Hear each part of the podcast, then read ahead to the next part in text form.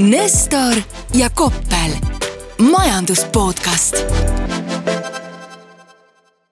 tere taas kuulama SEB majandus podcasti, mina olen Red Gate Wealthi investeeringute valdkonna juht Koppel ja minuga on SEB majandusanalüütik Nestor.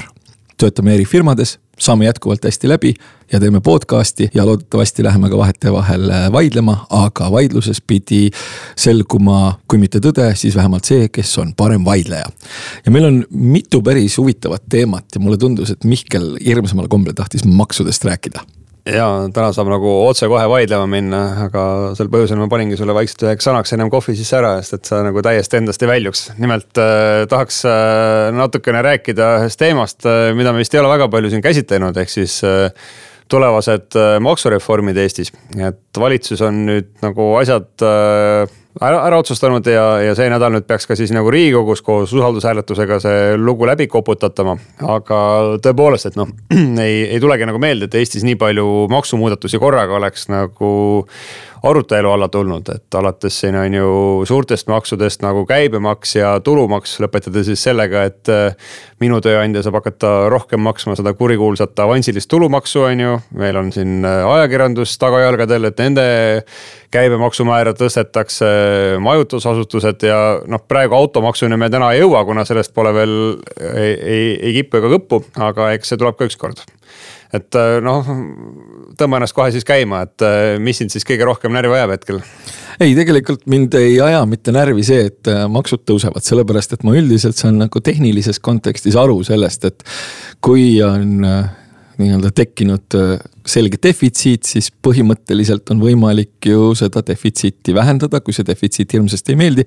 kolmel viisil. saab kärpida, saab laenata ja saab makse tõsta noh, põhimõtteliselt minu arusaam on see, et võib-olla kombinatsioon nendest kolmest oleks äh, nii-öelda mõistlikum lähenemine. ja kui ma nüüd mõtlen sellele ka, et äh, noh, kontseptsioonile kärpimine sellises küpses ja peab tunnistama, et äh, nagu maailma kontekstis juba peaaegu jõukas riigis, siis äh, noh, ma. mulle meeldib vahest nalja visata, et meil on sihukene asi nagu establishment ja noh, kui establishment'ile öelda, et hakake iseennast kärpima, no, no, no ma ei usu, et sealt mingit väga ka suurt kärpimist tuleb. suur, äh, aga no ma saan aru, et ikkagi kavas on teha ka nulleelarve, kus siis establishment istub maha aasta aega peetakse koosolekuid ja arutatakse, et millised nende tegevustest on vajalikud, et siis nii-öelda nullist uuesti see eelarve üles ehitada ja no lõpptulemusena jõutakse selleni et, kakskümmend protsenti on kogu aeg puudu, et äh, peaks nagu juurde saama. just nimelt peaks juurde saama ja ma kahtlustan, et ma, ma oleks valmis kihla vedama, aga ma kardan, et ka siin meie arvamused väga palju lahku ei lähe, et äh, antud kontekstis noh, sellest kärpimisest midagi sellist, mida keegi väljaspoolt establishment'i päris kärpimiseks nimetaks. no ma ei usu, et sellist asja aset äh, saab leidma. välistel tegelastel alati selle kärpimisega on mingisugune ettekujutus, et äh, kuskil on mingi miljardit raha, mis liigub siis ametnike palkadeks ja et kui sealt annaks küll nüüd võtta ja võtta, noh. tegelikkus on ju see, et äh, kasugu valdav osa kogu riigieelarvest läheb ju selleks, et välja maksta erisuguseid toetuseid ja noh, ma usun, et needsamad, kes siin kõige kõvemini nagu kärpimist toetavad, et et kui sealt näiteks emapalk äh, vähendada selle kestust poole võrra, siis nad võib-olla enam nagu nii, nii hea meelega seda kärpimist ka ei vaataks. no loomulikult see kärpimine ongi alati valus ja noh, olgem nüüd ka päris ausad, et kui me mõtleme sellist Lääne-Euroopa kogemust, siis see on olnud et äh, kui seda on üritatud, siis see on olnud erakordselt äh, valuline ja kohati poliitiliselt nagu täiesti teostamatu. et ainukene päris hea näide kärpimisest on võib-olla Eestist ja Baltikumist siis, kui oli eelmine nii-öelda globaalne finantskriis, mis kutsus esile majanduskriisi. et noh, siis juhtus igasuguseid huvitavaid asju, et siis suudeti küll jah, tunnistame, et selleks hetkeks korralikult õhku täis pumbatud äh, riigieelarvet äh, kärpida võib-olla mõistliku tasemeni. ja siis eksisteerisid sellised fantastilised asjad erasektoris nagu allapoole paindlikud palgad, mis iseenesest tehniliselt majanduse kontekstis on täiesti arusaadavad. aga mille peale noh, ma ei kujuta ette meist kaheksakümmend kilomeetrit põhja poole ilmselt keegi ei oleks tulnudki. ma muuseas olen kohanud ühte sihukest kaheksakümmend kilomeetrit põhja poolt pärit tegevjuhti, kes kuuldas, et sihuke asi nagu siis toimib läks oma eestlasest finantsjuhi juurde ja küsis, et nagu päriselt või, päriselt saab nii teha ja siis finantsjuht kehitas õlgu, et no saab jah. ei, see on selles mõttes hästi huvitav, et äh, mikspärast peaks eelistama kasvavat tööpuudust allapoole paindlikele palkadele, aga noh, ütleme, et äh, riik ajab asju riigiviisil. aga kui sa küsisid, et miks ma närvi tahaks minna nende maksude peale, siis ma ma ei ole võib-olla närvis, ma olen pahur, ma olen pahur. sanaks mõjub juba, vaadake. ja see sanaks mõjub, tegelikult mul vist on latte ja kõige hullem asi, mis siin sees on, on pruun suhkur. aga mulle ikkagi noh, oleks meeldinud, noh, mul on siuksed võib-olla idealistlikud ja võib-olla natukene utopistlikud arusaamad, et. mulle oleks ikkagi meeldinud see, et valimiste eel oleks olnud mingisugune päris maksudebatt. kus oleks ausalt ära räägitud, et äh, nii, nüüd on selline lugu, et et äh, meie rahakotis on äh, tekkinud probleem. ja selle tekkinud probleemi lahenduseks on sellised ja sellised, sellised võimalused. aga ei, Peeter, Peeter, Eesti ei ole selleks veel valmis. Äh, vot seda mina ei usu, mina üldiselt. arvan, et valija, noh, see jutt, et me ei saa seda öelda, et meid muidu ei valitaks no, no. Salga valem näitas seda, ma arvan no võib-olla näitas, aga ma üldiselt ikkagi noh, no võib-olla see sõltub äh, tutvusringkonnast, et ise võib-olla mitte nii intelligentse inimesena ma puutun kokku ikkagi päris intelligentsete inimestega. ja üldiselt need päris intelligentsed inimesed kipuvad aru saama sellest, et mingisuguseid samme on vaja teha. ja üldiselt on palju nagu toredam äh, see, kui räägitakse tõtt, sellepärast et äh, tõega kipub olema selline lugu, et tõde teeb vabaks aga valedega kipub olema selline lugu, et valed on nagu äh, selline äh, Vana-Euroopa riigi või Lõuna-Euroopa riigi võlakoormus, et põhimõtteliselt need kuhjuvad, kuhjuvad, kuhjuvad ja siis neil on veel intressid ka. ja ühel hetkel ei ole võimalik neid intresse enam maksta. ehk siis minu pahurus põhimõtteliselt maksuteemade kontekstis on peamiselt seotud sellega, et ma oleks äh, tahtnud varasemalt, enne valimisi, kampaania ajal näha selgelt nii-öelda sellist äh, mõistlikku, intelligentset ja tehnilistel asjaoludel põhinevat debatti. seda ei olnud ja nüüd ma olen pahur no ma olen selle poolest ikkagi üllatunud, et äh, Peeter asja nii rahulikult võtab, aga no kui mina peaksin valima, et mille peale on äh, natuke närvi minna, siis noh, jällegi kõik minu jaoks tegelikult on nagu loogiline. aga kui vaadata nagu seda, et mis rahandusministeerium on siis kalkuleerinud, et mida me nendest reformidest ootame siis tegelikult äh, need üllatavalt suured äh, maksutõusud on ju ennekõike tingitud sellest, et on vaja siis äh, kinni taguda praeguse tulumaksusüsteemi kaotamine kus meil on see nii-öelda vähenev tulumaksuvaba miinimum ja kuna see soovitakse asendada siis selle ühtlase seitsmesaja eurose määraga, siis tegemist on ülikalli valimislubaduse täitmisega ja noh, paratamatult sellest äh, võidab äh, pigem hästi teeniv äh, elanikkond, aga noh, teisalt jällegi tuleb ju mõelda poliitilise reaalsuse peale, et Reformierakond on seda soovinud ja tema ju mõtleb iseenda valija peale, kes läks, valis Reformierakonda just täpselt sellepärast, et tema elu läheks paremaks, mitte see, et nüüd anname hääle Reformierakonnale, Reformierakond hakkab esindama mingisuguse täiesti kolmanda valijagrupi huve. et iseenesest see on muidugi väga loogiline, aga majanduslikus plaanis, et noh, siin on tegelikult selle tulumaksureformi mõju, et noh, siin on sisse arvestatud juba see, et me tõstame tulumaksu aastast kaks tuhat kakskümmend viis. tegelikult selle mõju kogu eelarvele siis on miinus kolmsada miljonit sellest, et me tõstame kaks protsenti tulumaksu, aga kehtestame siis ühtlase seitsmesaja eurose maksuvaba miinimumi. ja no jällegi, et seda kõike kompenseerida, on ju, siis me peame tarbimismaksusid suurendama siin kahe protsendi võrra. ehk siis eh, noh, peame siin olema paindlikud selle poolest, et eh, kaks protsenti vähem tarbida. no vot ja siin me jõuame selle, selle juurde tagasi, et eh, valedel kipub olema hind ja antud kontekstis ei saa muud öelda, kui see küüru tekitamine oli vale majanduspoliitiline otsus ja nüüd, kui kui seda üritatakse natukene hiljem lahendama hakata, siis on see kallis, ebamugav, paha ja, ja eriti on ta just kallis. Sellega ma muidugi tahan nagu nõustuda sinuga isegi, et äh, süsteem oli nagu keerukas, aga no iseenesest äh, ma arvan, et äh, ole, olles siin võib-olla nagu natuke üle keskmise palga teenija, et ma tegelikult vist olen valmis maksma nagu natuke rohkem äh, suhtelisel skaalal ka maksusid, kui, kui Maxima müüa no ütleme nii, et niikaua kui nagu päris astmeliseks ei minda, siis äh, ma kannatan ka üht-teist ära, sellepärast et ma saan ikkagi aru sellest, et äh, noh, kui me mõtleme kasvõi sellele, et palju me SKT-st tegelikult äh, kaitsele peame panema ja, ja et me peame seda, seda tõstma, et noh, see on, see on selgelt arusaadav, et senikaua, kuni, kuni ma saan aru, äh, kuhu see raha läheb, senikaua, kuni, kuni ma saan aru sellest nii-öelda üldisest kontekstist. ja senikaua, kui ei üritata implementeerida selliseid äh, noh, kuidas nüüd öelda ideoloogiliselt motiveeritud klassiviha nagu mm, astmeline tulumaks,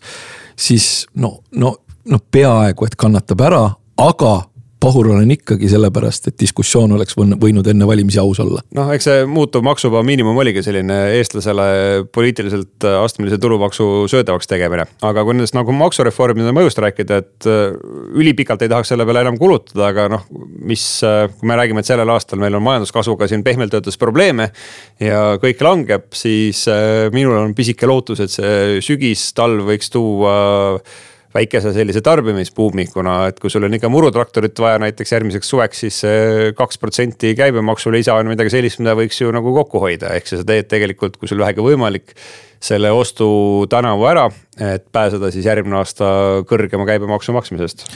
no ma ei usu, et see mingisuguse päris ostubuumi toob, lihtsalt sellepärast, et kui ma mõtlen nüüd seda. no vaata, mehed olid äh, viiskümmend senti odavama viina nimel nõus Lätti sõitma, et äh, Äh, jah, kusjuures see oli äärmiselt huvitav selline tore eksperiment, kus oleks võimalik äh, ka päris mitmeid selliseid äh, punkte välja tuua, et kuidas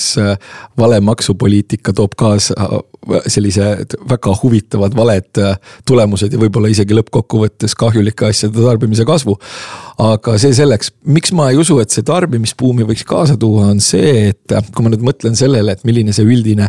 sentiment ka globaalselt on, siis see sentiment kipub globaalselt olema selline, et teisel poolaastal ikkagi tuleb selline majandussurutiselaadne toode arenenud maailmas. Ja arenenud maailmas on meie peamised ekspordipartnerid ja meil juba on olnud siin ju tegelikult äh, selge arusaam sellest, et kui peamistel ekspordipartneritel läheb ühel või teisel põhjusel halvasti, siis äh, meil tööstustoodang kukub ja üleüldse kõigil on natukene halvem tuju kui sa selle teema juba siit Eestist natuke kaugemale tüürisid, et äh, siis, siis teeks tegelikult teemavahetuse ja räägiks sellest, et äh, millest me oleme muidugi siin väga palju rääkinud, aga no paratamatult. Äh, kui vaadata nagu majanduspealkirjasid, siis me ei saa sellest ega üle ega ümber. ehk siis sellel nädalal on kogunemas siis maailma kaks juhtivat keskpanka, USA-s Föderaalreserv ja Euroopas Euroopa Keskpank, kes on siis mõlemad äh, vastu võtmas otsuseid, et milline saab olema lähiperioodi rahapoliitika läbi selle, et äh, millised on intressimäärad. ja täna nagu ma aru saan, turgude ennustus on see, et äh, kolmapäeval siis teatab Föderaalreserv, et nemad hetkel intressimäära ei tõsta, kuna see on juba päris kõrge ja inflatsioon on noh, võib-olla üllatavalt kiiresti alla läinud ja noh, päris sama me ei saa öelda Euroopa Keskpanga kohta, et kelle puhul siis oodatakse seda null koma kahekümne viie protsendist tõusu aga ka nagu siin, et tegelikult viimased nagu inflatsiooninäidud siin näiteks Prantsusmaalt ja Saksamaalt on olnud üllatavalt isegi nagu alla võib-olla turuootuste. Nad on olnud alla turuootuste, aga noh, kui ma jällegi nüüd mõtlen seda alusinflatsiooni, see, mida mulle meeldib rohkem vaadata sellistes kontekstides, kui kui, kui päris inflat-, nii-öelda seda päris inflatsiooni, mida pealkirjades öeldakse, siis eile just vaatasin, mõtlesin ühte toredat et äh, mõtisklesin ühe toreda graafiku üle ja vaatasin, vaatasin seda nii-öelda sügavalt. ja seal oli, selle graafikul oli kujutatud ei mitte midagi muud, kui siis euroala kümne aasta reaalintressid. ja reaalintressid arvestades alusinflatsiooni, mitte siis seda pea, nii-öelda pea, peamist, peamist või pealkirja või tarbijaindeksi taseme inflatsiooni vahe on neil siis see, et äh, alusinflatsioonil on volatiilsed komponendid nagu kütus ja toit ära võetud. ja mis ma sealt nägin, ma nägin seda, et see trend on olnud väga pikalt alla ja ma nägin ka seda, et tegelikult äh, see miinus oli kolme koma kuue pealt vähenenud ainult kolme peale. ja pikas perspektiivis see jõnks oli selline suhteliselt äh, õnnetu ja pisike, see siis tähendab seda et reaalintressid ikkagi euroalal on jätkuvalt suhteliselt sügavalt äh, negatiivsed. see tähendab omakorda seda, et see, kasvõi see alusinflatsiooni probleem on jätkuvalt äh, üleval. ja noh, mina ei saa välistada seda, et et äh, intressimäärad ikkagi liiguvad veelgi, veelgi kõrgemale, sellepärast et kui me nüüd mõtleme kasvõi seda, et noh, mida ka mina olen maininud ja väga paljud teised on maininud, et äh, kui intressid lähevad natukene liiga kõrgeks, et siis lõunaeurooplastel hakkab valus. no ei hakka neil lõunaeurooplastel miinus kolmese reaalintressiga valus midagi. sama öelda sulle, et äh, ega see on ju taevamanna itaallaste jaoks, et noh, kui vaadata siin ka need viimase inflatsiooninäitusid, siis muuseas oligi ju lugu see, et äh, Prantsusmaal ja Saksamaal oli see näit oluliselt allpool näiteks Itaaliast kus äh, võib-olla see teenusmajanduse osakaal on päris kõrge, aga mis neil veel väga kõrge on, on siis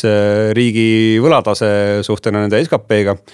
ja noh, olukorras, kus Itaalia inflatsioon on seal kuskil kaheksa protsenti, et ju neil see nominaalne majanduskasv tuleb ka seal päris kenakene. mis tähendab seda, et on ka päris kenakene maksulaekumine, mis omakorda tähendab seda, et on palju lihtsam toime tulla oma, oma riigivõlgadega, et noh, võib-olla me siis jõuamegi selle olukorrani, et mida siis sakslased väga muidugi ei armasta, et anname lõunaeurooplastele nende võlad andeks, aga läbi selle, et meil on Euroopas lihtsalt kõrgem inflatsioon noh, ütleme, see on midagi sellist, mille üle ma arvan, et me siin oleme sinuga spekuleerinud ammu enne, kui meie jutte lindistama hakati, et see on kõige tõenäolisem äh, nii-öelda lahendus. kõik on rahul, mõtle, kõik on rahul. no, no ma ei tea, kas sa oled ikkagi selle inflatsiooniga. mina ei ole Itaaliale laenu andnud. mina ei ole ka Itaaliale laenu andnud, aga noh, ütleme, et ideaalses maailmas või mis mulle meeldiks, noh, minule isiklikult ikkagi meeldiks see, et äh,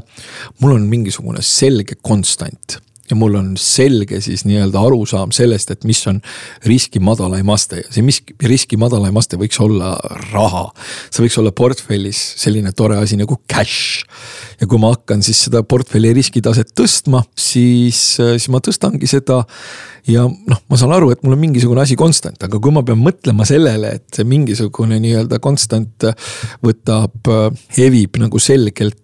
liiga suurt inflatsioonimäära, siis see tekitab mulle selget peavalu. see tekitab peavalu mulle professionaalselt ja see tekitab mul peavalu personaalselt, et kui ma ikkagi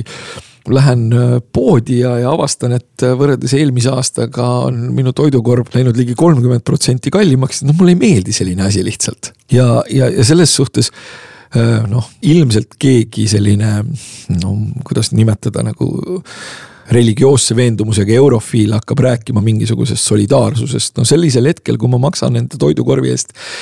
kolmandiku rohkem, no ma ei tunne selle Itaaliaga nagu eriti solidaarsust, kuigi mulle itaallased muidu meeldivad. Ka toiduainehinnad hakkavad lõpuks äh, normaliseeruma, et just olid uudised, Saksamaal on juba piimatoodete hinda alandatud aga noh, Eestis sellest muidugi veel hetkel märki ei ole, et äh, toiduaine hinnad ikkagi kallinevad päris kiiresti, aga, aga teisalt ma tahaks muidugi öelda, et Eestisse see intressimäärade tõus hakkab ka minu meelest ikkagi kohale jõudma. Kui ma nüüd vaatan Eesti sisemajanduse näitajaid siin viimase kuukese paari vältel, siis äh, olukord on drastiliselt muutunud. et kui me siin varem rääkisime ju sellest, et noh, jaekaubanduses on langus, aga mis seal langes, olid siis nagu mahud, et tegelikult noh, kui vaatad ettevõtte käivet müügitulemusi, et need kõik suurenesid. et oleme jõudnud siis tõesti põneva olukorrani, kus äh, on ka siis jaekaubanduses hakanud päriselt käive vähenema siin kaks kuud järjest. ja ma usun, et nihukese kaupmehe jaoks see on juba natuke teine situatsioon kui see, et ma nüüd äh, kümne särgi asemel müüsin üheksa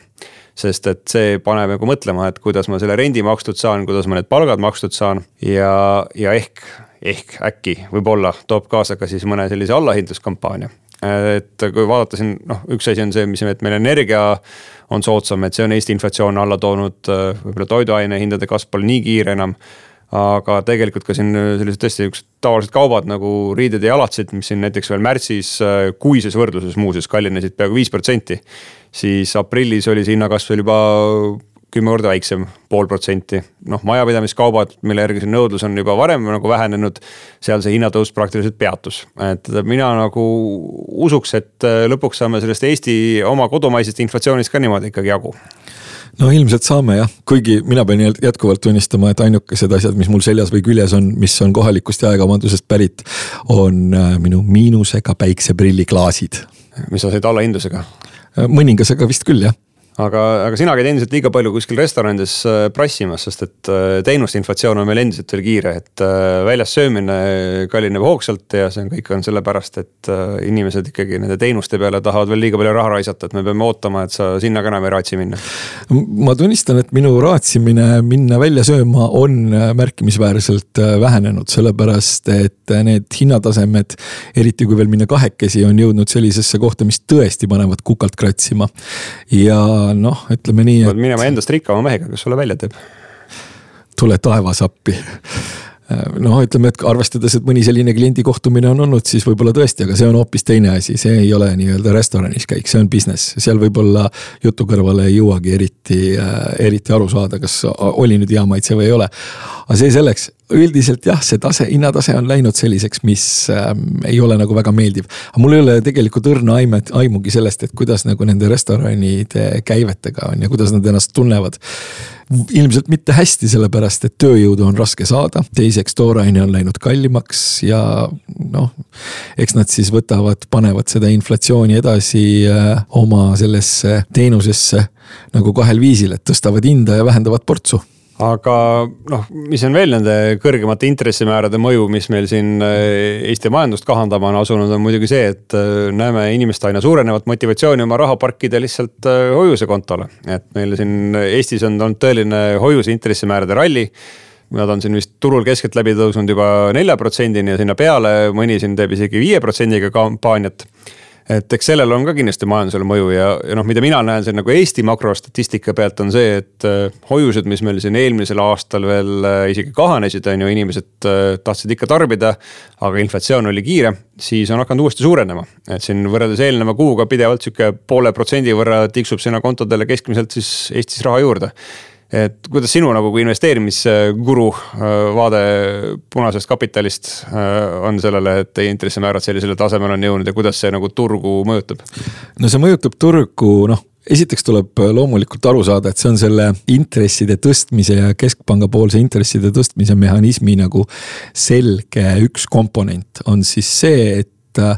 kui intressimäärad on kõrgemad, siis osa rahast võtab, rahuneb maha ja pargibki ennast äh, deposiidile. ja siis see raha, mis ennast deposiidile pargib, ei aja enam paanilis hüsteeriliselt taga kuskil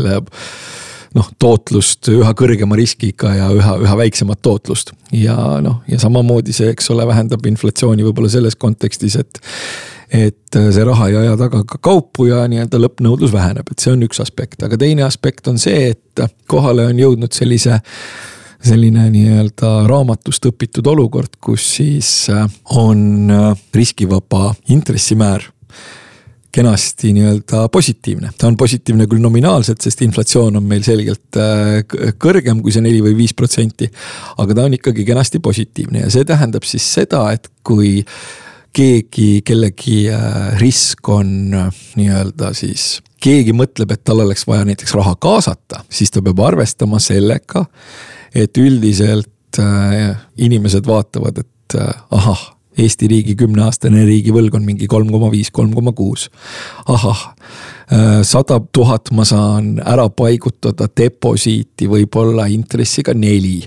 Äh, sada tuhat sellepärast, et see on hoiuste tagamise fondiga tagatud ja see on ka nagu tegelikult nii-öelda sünteetiline Eesti riigi risk. et ma saan Eesti riigi riskiga panna nii-öelda nelja protsendiga sada tuhat, võib-olla viie protsendiga kuskile sada tuhat. et ma saan ära panna ja nüüd, keegi siis, eks ole, tahab nagu raha kaasata, siis ta peab sellega arvestama, et noh, võib-olla siin on mingisuguseid selliseid äh, näiteid, mitte just eriti kaua aega tagasi, et kus siis keegi, kes nullintressimääradega, nullintressimäärade ajal võttis, äh, emiteeris võlakirju tasemega viis pool, et noh, siis ta ühel hetkel pidi emiteerima neid tasemega kaheksa pool või, või, või, või keegi isegi üheksa, sellepärast et noh tema siis nii-öelda äririsk või arusaam tema riskist on jäänud samaks, aga riskivaba on, on kasvanud. ehk siis see riskivaba intressimäära kasv loomulikult äh, muudab väga selgelt kogu seda investeerimismaastikku. ja noh, mis seal salata, kui on ikkagi võimalik äh, peaaegu riskivabalt äh, märkimisväärseid summasid võib-olla eri pankade vahel ära paigutades nagu, nagu teenida nelja või viite, siis huvi mingisuguste instrumentide vastu väheneb siis need, kes neid instrumente emiteerivad, peavad nendelt võimaldama suuremat äh, tootlust ja see suurem tootlus võib-olla ei ole neile jälle nii tervislik. ma just tahtsin sinna jõuda, et äh, noh, kui meil täpselt riskivaba tootlus on ütleme neli protsenti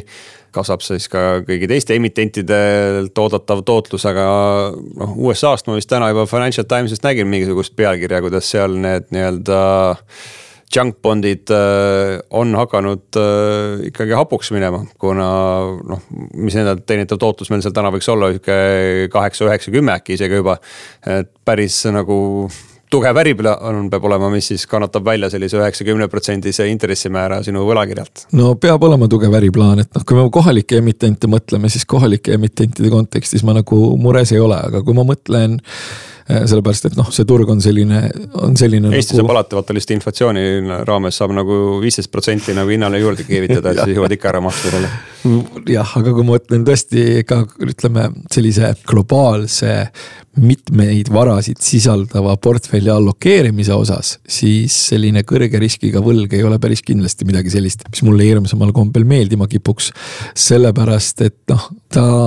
jääb ikkagi konkreetselt selle liiga kiiresti tõusnud intresside kruustangide vahele. et äh, noh, keegi ilmselt, kui need äh, natukene vallatumad emitendid seal äh, arenenud maailmas, nii Ühendriikides kui Euroopas, seda nii-öelda võlga imiteerisid mingi mingisugustelt sellistelt toredatelt tasemetelt, siis ega nad ei eeldanud seda, et nad peavad seda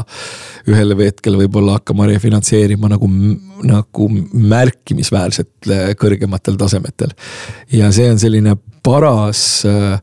noh, surmaspiraal on võib-olla palju öelda, aga see on selline paras väljakutse, et kui sa võtad neljaga ja hakkad kümnega refinantseerima. aga räägiks võib-olla selle mehhanismi ka lahti, et noh, üks selline nagu käibetõde on, et äh, mida kõrgemad on siis võlakirjalt oodatavad tootlused, et see võiks justkui tõmmata siis raha ära nagu aktsiaturgudelt äh, võlakirjadesse teisalt, kui ma tahan ikkagi teha aktsiaemissiooni, mind see natukene nagu jääb häirima, on ju, et äh, keegi võib-olla ei taha minu emissioonil osaleda ja tahavad seda raha parkida kuhugi sinna nelja protsendi peale mingitesse pankadesse ära. et äh, mis siin nagu see aktsiaturgude vaade on, et kas äh, proovitakse siis selle võrra nagu agressiivsemalt näidata mingisugust oodatavat aktsiahinna kasvu, tehes selleks teatavaid ärilisi otsuseid või, või kuidas sellesse üldse suhestuda? no suhestuda ikkagi nii, et kui me noh, me rääkisime sellisest madalama reitinguga, alla investeerimisjärgu reitinguga võlakirjadest on ju, mis, mille, mis, mis on problemaatilised. aga kui me võtame siin riigivõla, siis äh, riigivõla nii-öelda tootlused ka euroalal, noh, need on peaaegu okei okay.. ja kui me mõtleme, et teisel poolaastal äkki tuleb surutis ja veidikene nii-öelda tekib sellist olukorda, et tahetakse seda riigivõlga nagu natukene rohkem osta ka. siis see riigivõlg on suhteliselt hästi positsioneeritud. peaaegu samamoodi on selle kvaliteetsema, äh, korporatiivvõla kvaliteetsema osaga et äh, ja tõepoolest, need on hetkel sellised nii-öelda võlakirjade varaklassi alamklassid, kuhu, mis, mille selline riski ja oodatava tulu mm, suhe on, on huvitav ja tõepoolest see natukene imeb äh, aktsiaturgudelt äh, raha ära, sest siin on jällegi mõistlik mainida seda, et kuidas ikkagi selle Standard Poor's viiesajaga lood olid. et seitse vaprat Äh, ai-ga seotud tehnoloogiaettevõtted teevad kogu tootluse ja ülejäänud nelisada üheksakümmend kolm äh, ennustavad nagu surutist. et äh, jah, ja, ja kui ma mõt-, kui sa nüüd mainisid, et tahaks mingisugust emissiooni teha, siis no ma kujutan ette, et praeguses kontekstis